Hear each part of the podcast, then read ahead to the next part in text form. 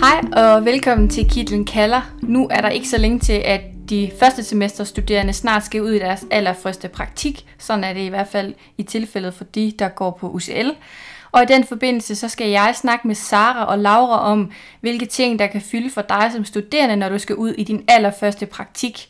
Fordi det kan nemlig være en tid, hvor der er rigtig mange bekymringer eller glæder, som kommer frem i forbindelse med at skulle i praktik, og derfor vil vi i dette tredje afsnit af Kitling kalder forsøge at klæde dig rigtig godt på, inden du skal ud og snuse til det fag, som vi er rigtig mange, der brænder for. Vi skal snakke lidt om, hvad de studerende de gerne vil vide, når de skal ud i deres første praktik, og det har vi forsøgt at spørge jer om inde på vores Kitlen kalder Instagram. Så et af de første svar, der kom, var, hvad forventes der af os som studerende, når vi skal ud i den første praktik? Og hvad var det, I oplevede, da I var ude? Hvad, hvad, hvad forventes der? Jamen, altså, min oplevelse det er i hvert fald, at der forventes sjældent lige så meget af dig, som du regner med at gøre, og som du måske faktisk går og forventer af dig selv. Ja. det var vi enige om. og derudover så er det også forskelligt fra semester til semester, hvor, hvilke krav der bliver stillet, og det er noget, som man kan læse sig til i semesterbeskrivelsen.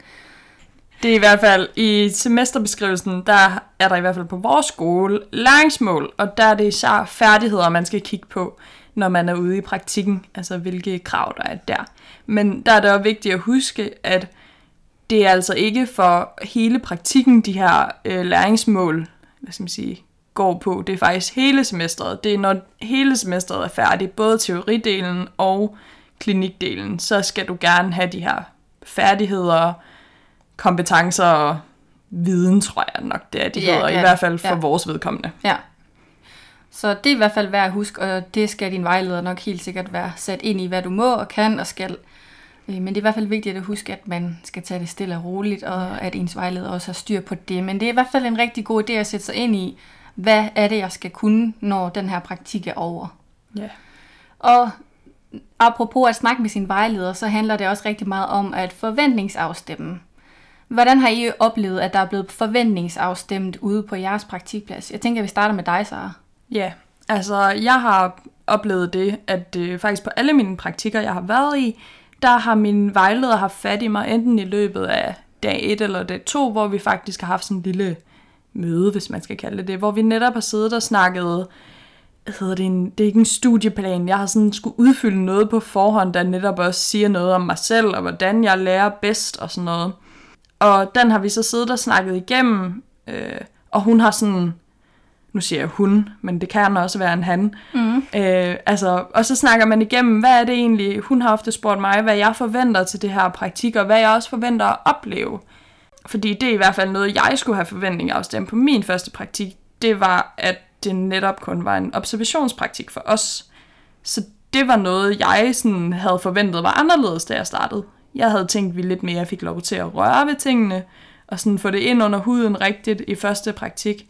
Men det gjorde vi ikke rigtigt. Så det var egentlig rigtig rart at få afklaret ret hurtigt, så man heller ikke sådan går og bliver påvirket af det. Mm. Hvad med dig, Laura? Hvordan har du oplevet forventningsafstemning? Er det noget, der fungerer godt? Jamen, altså ligesom ved Sara, der har det som regel været en af de første par dage, at når man starter, får man en aftale om ikke andet med sin vejleder om, at enten i dag eller i morgen tager vi lige en snak, hvor vi afstemmer forventninger, både hvor, hvad deres forventninger er til dig, og hvad dine forventninger er til dem, og til hele praktikforløbet egentlig. Og jeg synes, det hjælper rigtig meget at høre, hvad vejlederen egentlig forventer af dig, altså hvad regner de med, at du skal kunne, når du er færdig her, og bare høre det med deres ord, i stedet for, selvom det er smart, man kan kigge i vores, øh, i vores øh, studieplaner om, hvad vi skal kunne, så det er meget rart at høre med deres ord, hvad de forventer af dig, når du er færdig på det specifikke sted, du nu er endt i praktik. Ja, helt sikkert. Og hvis ikke at ens vejleder eller de andre på afdelingen selv byder op til en forventningsafstemning, så er det altså også helt okay, at man selv spørger ind til det. Og det er ikke kun på første semester, det gør sig gældende, men det er også på alle de andre semestre, fordi som I siger, det fungerer bare rigtig godt at have sådan en forventningsafstemning, så er der ikke nogen, forhåbentlig ikke nogen misforståelser om, hvad man forventer og hvad man ikke forventer helt fra start af. Så er der også øh, lektier. Har man det, når man er i praktik? Har I oplevet det? Altså, min oplevelse har været meget forskellig, alt efter hvor du har havnet i praktik, og hvilken vejleder du har haft. Jeg har personligt haft begge dele. Jeg har været i praktikker, hvor min vejleder har givet mig altså ugeopgaver, øh, og jeg har også øh, været, hvor det var, at jeg skulle indlevere dagbog øh, for hver uge. Og så har jeg også været i en praktik, hvor jeg havde altså, ingen former for lektier fra min vejleder af. Det var meget sådan, mm, du læser og undersøger og følger op på det, du føler er relevant, og det du mangler, og så stod hun ligesom til rådighed til, hvis det var, at jeg manglede inspiration til, hvor kan jeg finde noget om det her konkrete emne hen. Hmm. Hvad med dig, Laura? Jamen, jeg har faktisk ikke rigtig været udsat for en vejleder, som sådan rigtig havde planer for, altså sådan, som du havde en ugeopgave for eksempel, Sara.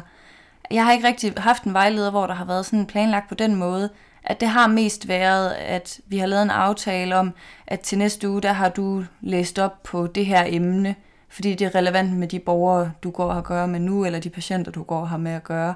Mm. Så jeg har ikke lige så meget været ude i, at der har været sådan et fast schema for præcis, hvad jeg skulle. Det er mest noget, vi har fundet ud af hen ad vejen sammen. Og så udover det har det mest været af interesse, hvis man havde lektier. Altså, at man også, det er okay at give sig selv lektier, hvis man står med en vejleder, der måske ikke sådan sætter en hel masse op for, hvad man behøver. Så det er okay at gå hjem og læse af ren interesse, fordi det bliver man jo kun klogere af. Ja, hvis man er nu for eksempel er stødt på et eller andet i løbet af sin dag, og tænker, det her, det ved jeg faktisk ikke så meget om, det bliver man lidt nysgerrig på, så øh, er der jo ingen, der siger, at øh, det er forbudt at bladre i en bog eller søge på lidt artikler derhjemme. Det tænker jeg kun kan være med til at gøre godt i sidste ende. Ja, lige præcis. Og selvfølgelig uden, det er jo ikke fordi, man skal stresse sig selv og synes, man skal nå mere, end man behøver. Altså, Mm-mm. det er også okay at sige, at Ej, jeg synes sgu egentlig, det har været en lang dag, og vi har skulle nå rigtig, rigtig meget i dag. Så det er måske ikke lige det, man skal, når man kommer hjem. Nej. Jeg synes i hvert fald også, at jeg har oplevet det her med, at, man, at jeg skulle lave en opgave hver uge, og eller at jeg har skulle op, lave nogle opgaver bare en gang imellem.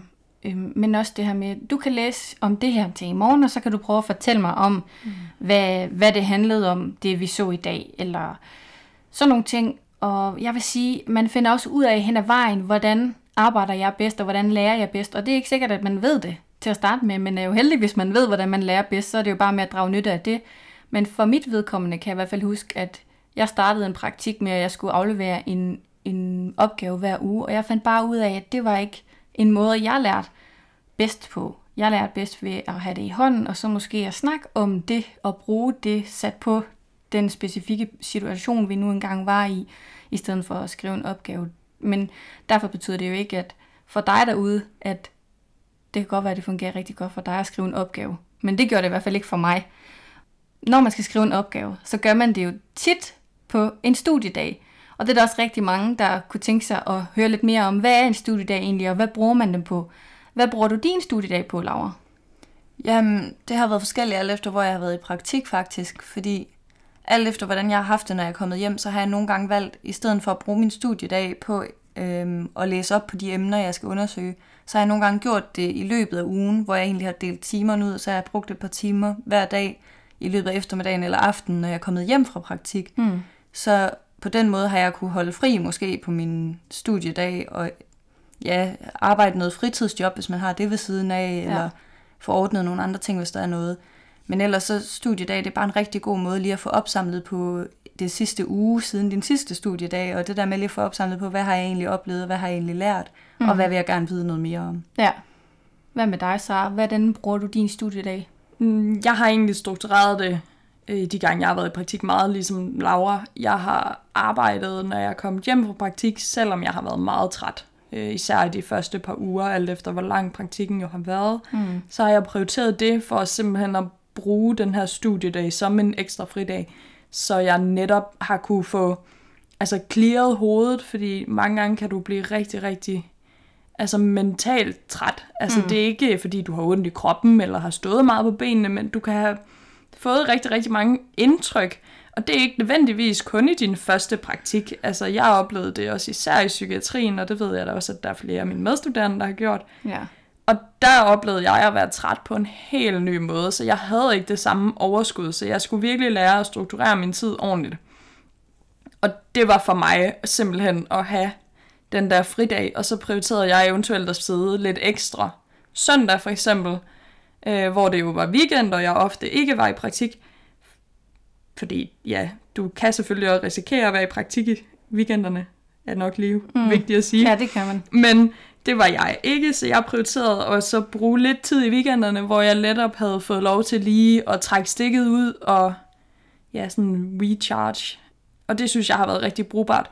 Men jeg ved også andre, der netop har haft rigtig gavn af at have fri-fri, når de kommer hjem fra praktikken. Hmm. Det er simpelthen at prøve sig frem, tror jeg, er Ja. den bedste måde.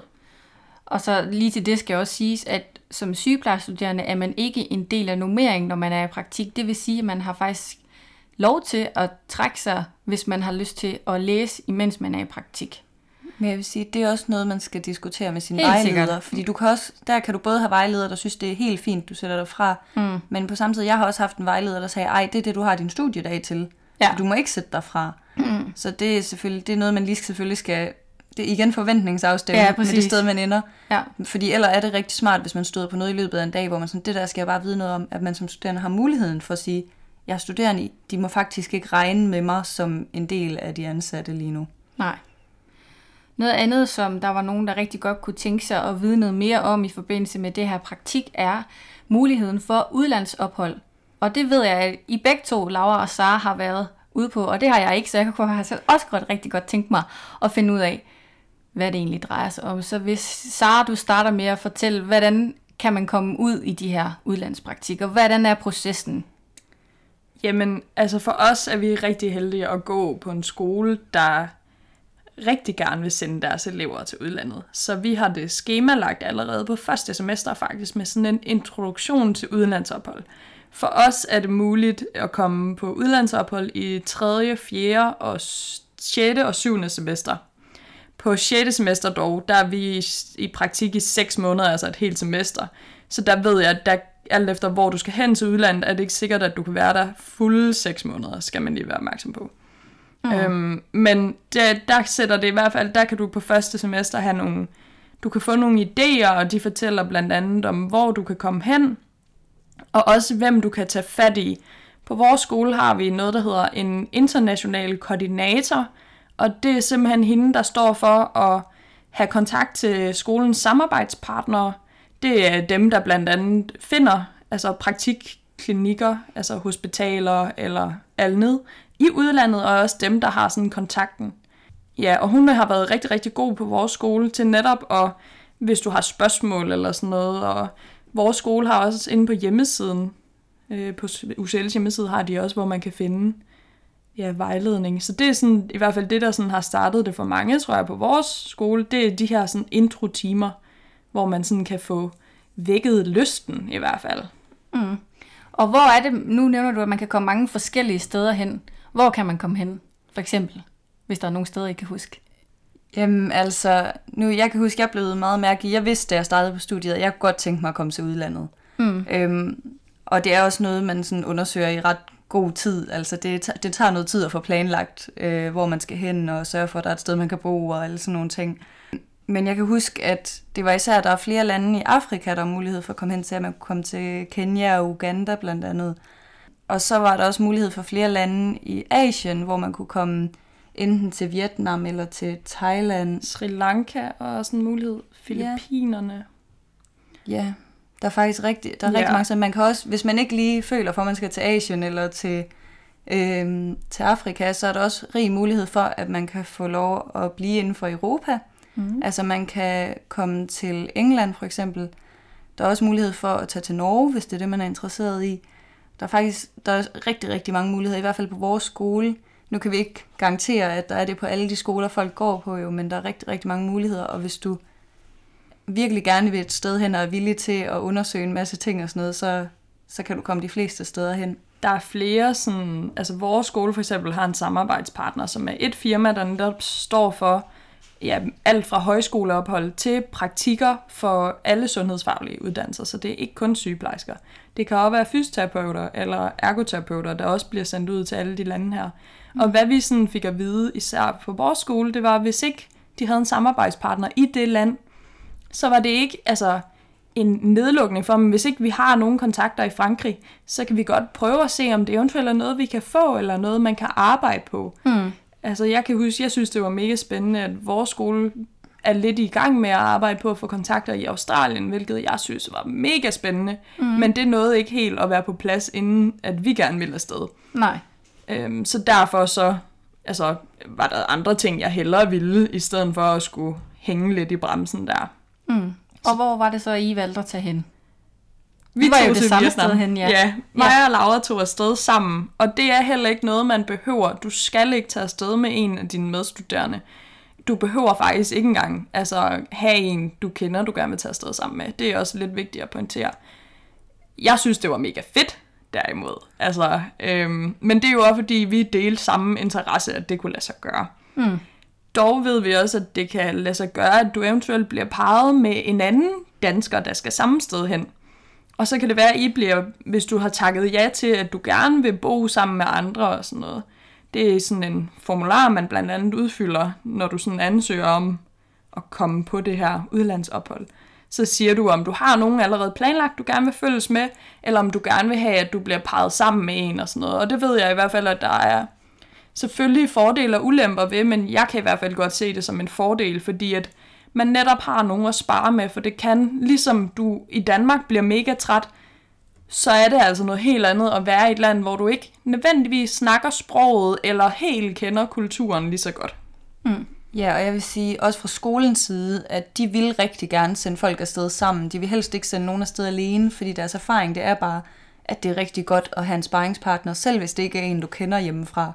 Ja, så man lige har en og hvad kan man sige, dele ens erfaringer med, mm. hvad man har oplevet i løbet af dagen. Ja, og bare ja. faktisk en at støtte sig op af, også i løbet af dagen, at det, selv hvis du bare er på samme sygehus, men ikke på samme afdeling, bare det der med at vide, at hvis du ender et sted, hvor at folk ikke går til frokostpause, ligesom vi går herhjemme, så er det måske meget rart at vide, at jamen, hun går over på den her afdeling, og så kan vi lige gå ned og få lidt at spise og snakke om det her, der skete i dag. Ja. For det er meget rart, det der med at have nogen at snakke med, både i løbet af dagen og når dagen er slut, det, det giver rigtig meget. Ja. Men hvad så, når I ikke var i praktik, altså når I stadigvæk var i Vietnam? Havde I så tid til at udforske landet lidt mere, eller var det kun tid til at sove og komme i praktik? Altså, det er jo en tilvændingsperiode, kan man sige, og i og med, at vi rejste til Vietnam, så var der også noget jetlag. Og det blev jeg især ramt af. Jeg var træt, og jeg altså, fungerer virkelig dårligt, når jeg er træt. Altså, mm. det gør jeg.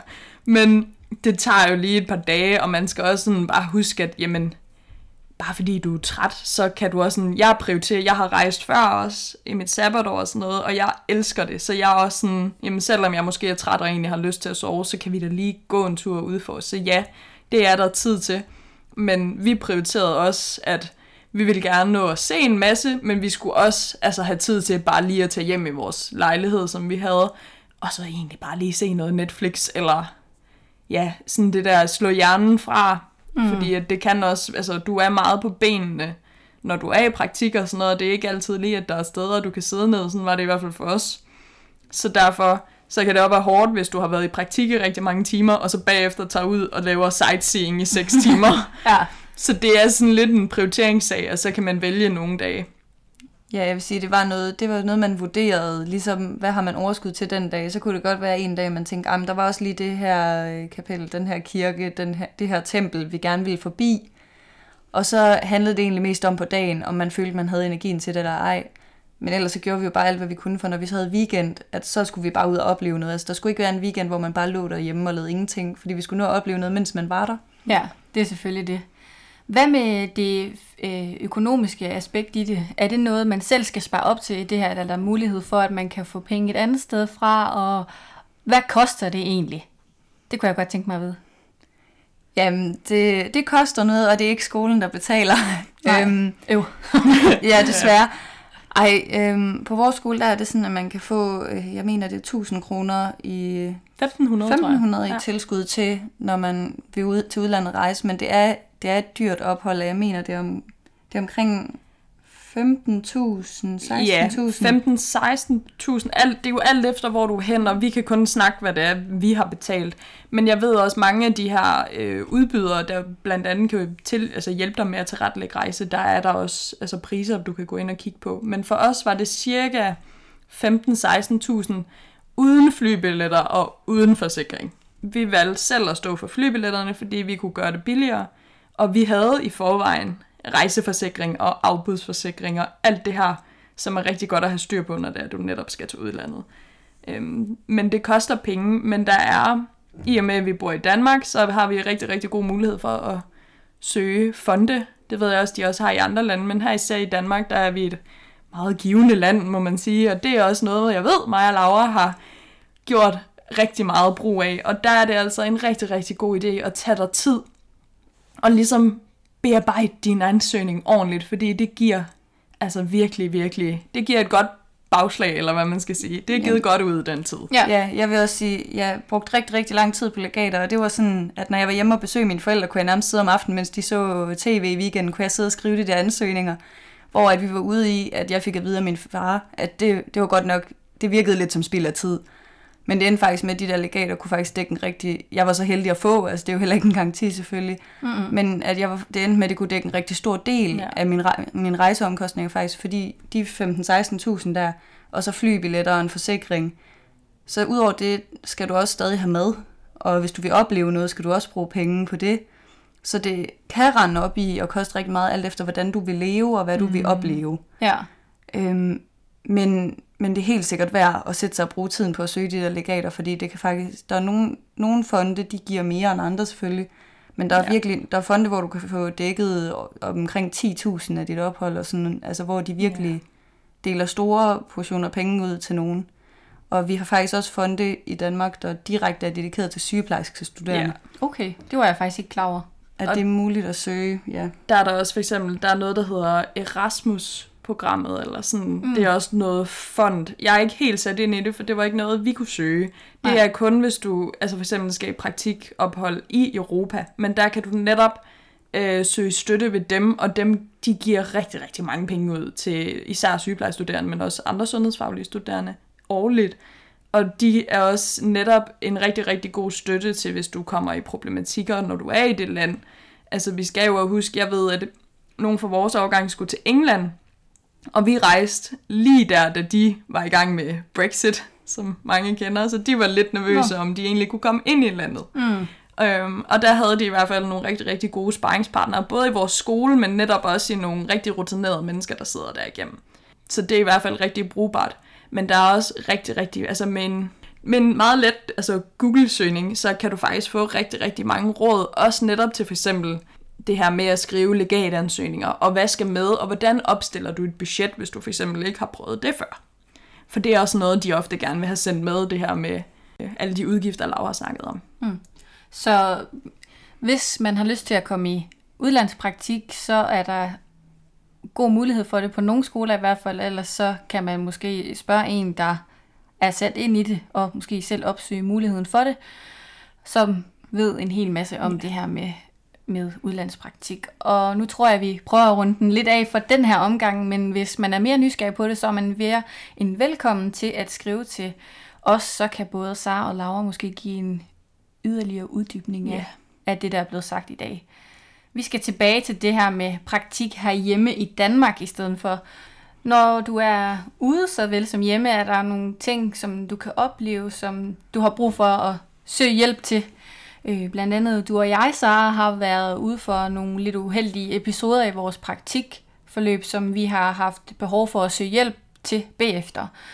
Øh, og der er rigtig mange, der faktisk ikke ved, inklusive os, så vi vidste ikke, hvordan vi skulle søge ja. den her hjælp, fordi det faktisk ikke rigtig er noget, man måske har snakket om, eller taget hensyn til, i hvert fald ikke derfra, hvor vi kommer. Men til det, så, så vil du gerne uddybe den her øh, tillidsrepræsentant øh, stilling, som der er mange studerende, der ikke lige helt ved, hvad indebærer, fordi det er jo i hvert fald noget, som vi oplevede, at, at det var sådan en, som en tillidsrepræsentant, som vi havde brug for at snakke med i den her situation. Så nu giver jeg ordet videre til dig, Sara. Ja, lige for kort at inddrage, det, altså, min oplevelse var, at jeg kom ud for en arbejdsskade, for at sige det lidt. Og jeg henvendte mig som, til skolen, hvilket også er en rigtig, rigtig god idé at gøre. Mm. Ved os har det dog bare ikke været så almindeligt, tror jeg, at et studerende har været udsat for sådan noget, eller det er i hvert fald ikke noget, vi er blevet gjort opmærksom på. Så jeg havde ikke rigtig øh, et sted, jeg kunne søge hjælp, eller jeg vidste i hvert fald ikke, at jeg kunne arbejdsskadeanmelde den her skade, jeg var udsat for. Mm. Øhm, så det var faktisk ved et tilfælde, at en af de sygeplejersker på min afdeling sagde, at hun ville gerne prøve at tage fat i deres tillidsrepræsentant. Og derigennem fandt jeg faktisk ud af, at tillidsrepræsentanten er faktisk også, altså den på din praktikplads er også til for at hjælpe dig som studerende. Altså den kan hjælpe, hvis du for eksempel oplever problemer, som netop kan være en arbejdsskade for mit vedkommende, eller hvis du ikke trives, eller hvis du for eksempel faktisk bare har det rigtig skidt, eller måske ikke helt øh, kommer overens med din vejleder, eller har fået en lidt skæv tilgang, så det er i hvert fald nogen, der kan give rådgivning.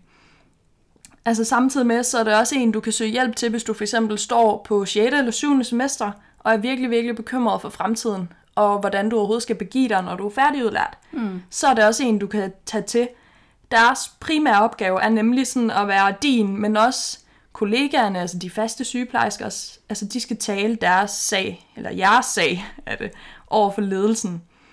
Øh, og det er rigtig, rigtig vigtigt at huske, at hvis du møder, for eksempel ved mig, var det ledelsen, der ikke ville arbejdsskadeanmelde det, fordi de troede, at det var min skole, der skulle gøre det. Og det er jo fordi, at det er der ikke blevet gjort opmærksom på. Men det er der heldigvis nu, i og med at sagen blev taget op, og ved mig var jeg en rigtig, rigtig god tillidsrepræsentant, der ligesom fik sendt bolden videre og fik skubbet alt det her i gang. Hmm. Men det kræver ligesom også, at man er vidne om det, fordi min skole, som jeg gik tilbage til bagefter, havde ikke rigtig viden om, at man kunne egentlig gå til tillidsrepræsentanten, og for eksempel fysiske arbejdsskader, de skal anmeldes på den her måde, og ved de her, de her dokumenter, Ja. Hvad jeg så senere har fundet ud af, det er faktisk også, at du kan gå til tillidsrepræsentant, hvis du får tilbudt et job på den, en given afdeling. Der er det faktisk en rigtig, rigtig god idé at tale med den her tillidsrepræsentant. For eksempel om lønforhøj, lønforhandling. Og det er en rigtig god, der gør en, en god idé at gøre, inden du netop takker ja til jobbet. Ja, og øh, det her med at snakke med en øh, tillidsrepræsentant, og som du siger så, at man får ligesom skal, øh, sat skub i tingene, hvis man har været ude for en lidt uheldig oplevelse, så øh, er det nemlig også øh, det her med, at man kan få, en, eller få det anmeldt som en arbejdsskade, er en rigtig god ting at få gjort, selvom man ikke lige selv tænker, at det er noget, der kan være kandidat til det. Men det er jo sådan, at nogle gange, når der sker noget, så kan man få en reaktion på det rigtig lang tid efter, og øh, som kan påvirke den måde, du reagerer på, måske i dit virke som sygeplejerske, når du er færdiguddannet, men også i dine senere praktikker, hvis du har nogle af dem tilbage efter den hændelse. Og på den måde er en øh, arbejdsskades anmeldelse et rigtig godt belæg for din reaktion senere. Ja, og så er det altså lige vigtigt at påpege, at arbejdsskader er altså ikke kun fysisk. Det kan også være psykisk. Det kan være, hvis du oplever noget, du føler er krænkende, Helt eller generelt bare overskrider dine grænser, og du faktisk har været rigtig, rigtig utilpas. Mm. Det kan være patienter eller pårørende eller sygeplejerskerne på afdelingen, der mm. simpelthen ja, presser dig ud i sådan en situation. Det lyder lidt voldsomt, men hellere altså tage fat og spørge en gang for meget og få anmeldt måske en gang for meget end en gang for lidt. Fordi det gør altså, at du senere hen, hvis du skulle få de her efterreaktioner, altså at du faktisk kan få noget ordentlig hjælp. Eller i hvert fald, at du også kan få noget støtte til at få noget hjælp. Hmm. Og det er også vigtigt at lige pointere, at fordi at, øh, at man oplever en situation, at det ikke er ens betydning med, at hele ens praktikperiode bliver rigtig dårlig, fordi den kan sagtens være rigtig god på trods af, hvad der måske er sket. Og dertil skal det også siges, at der sker, det her sker sjældent, men det sker også. Og derfor er det også vigtigt at vide, hvad man kan gøre, og hvor man kan søge hjælp henne, fordi det er nemlig rigtig vigtigt at man ikke bare famler i blinde og lader det ligge et sted, hvor det måske skulle have været snakket om i stedet for. Ja. Øh, derudover kan en øh, tillidsrepræsentant måske også bruges til at snakke om, hvis man har en vejleder, som man måske ikke klikker så godt med, som man måske havde håbet. Øhm, og, og det vil man måske også møde, fordi man helt naturligt kan ikke med alle mennesker lige så godt. Det er også noget, man kan snakke med en tillidsrepræsentant om, eller en anden øh, sygeplejerske eller anden faggruppe, som man føler, at man kan åbne sig op overfor. For det er også helt naturligt, at man ikke klikker lige så godt yeah. med alle. Øh, og det er ikke noget, man skal lade sig tynge af. Øh, det kan påvirke en, en praktikophold rigtig meget, at man ikke kan så godt med sin vejleder, men uanset hvad vil jeg sige, at man kan altid få et eller andet godt ud af det.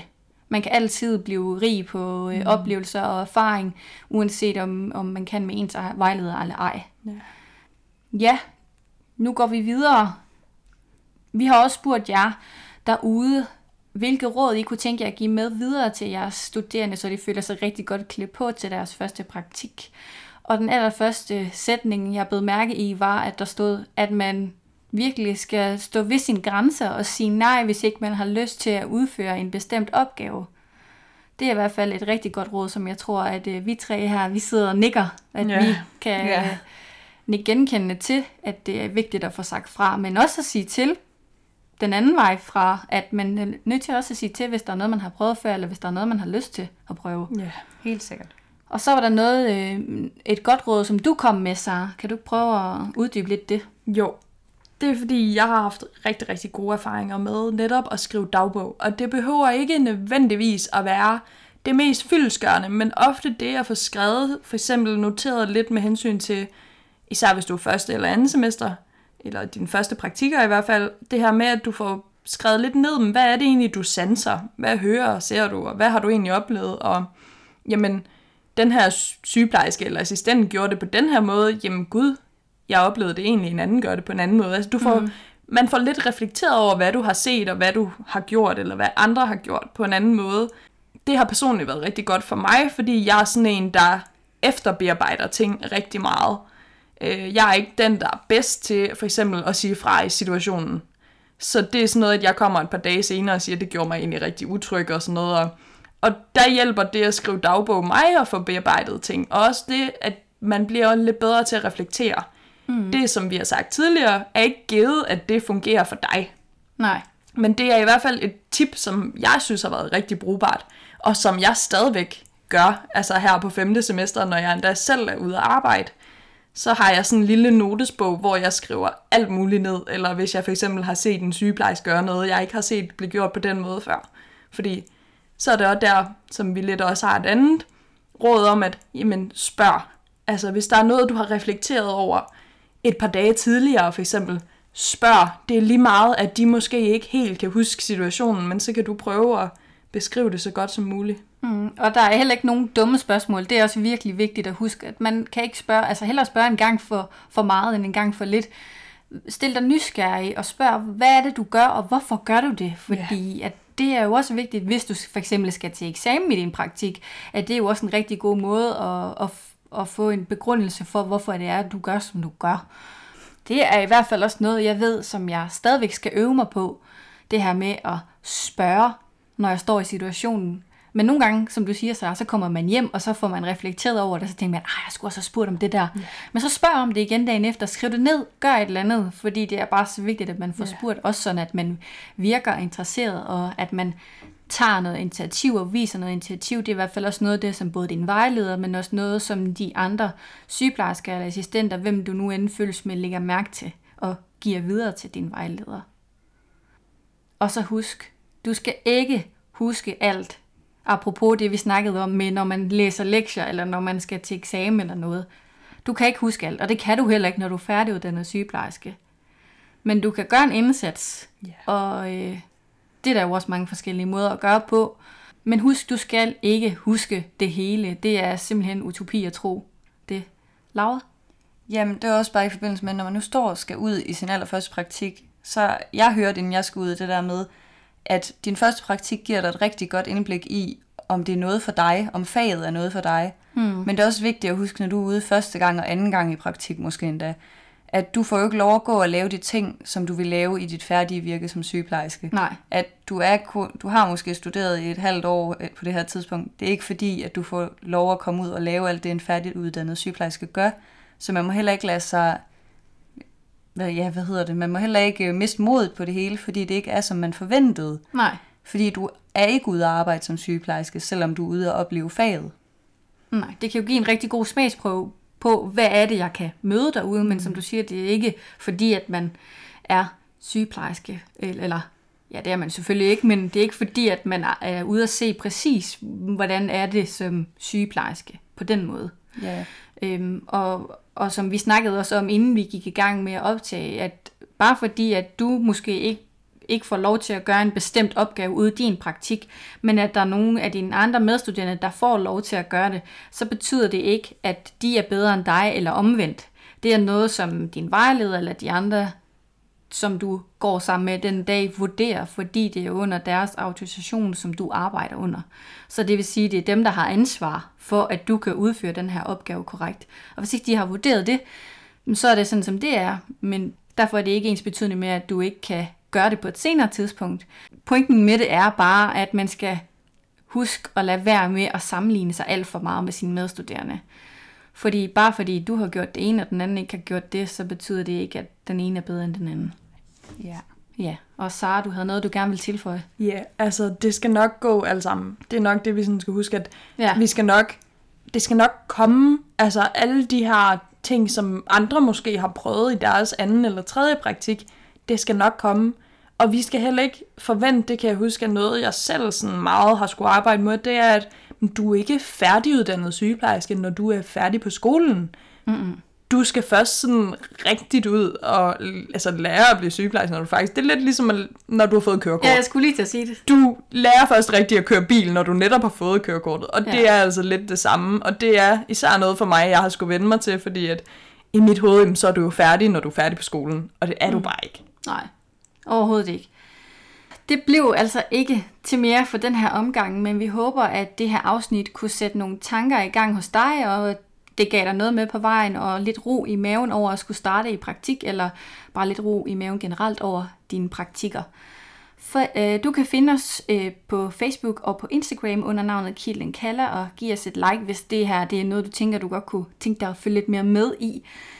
Du kan også give os en anmeldelse inde på Apple Podcast, hvor du kan give os nogle stjerner og måske nogle ord med på vejen i forhold til, hvad du synes om vores podcast. Det vil i hvert fald betyde rigtig meget for os, så vi kan se, hvad der er, I synes, og måske tage jeres overvejelser med i vores arbejde.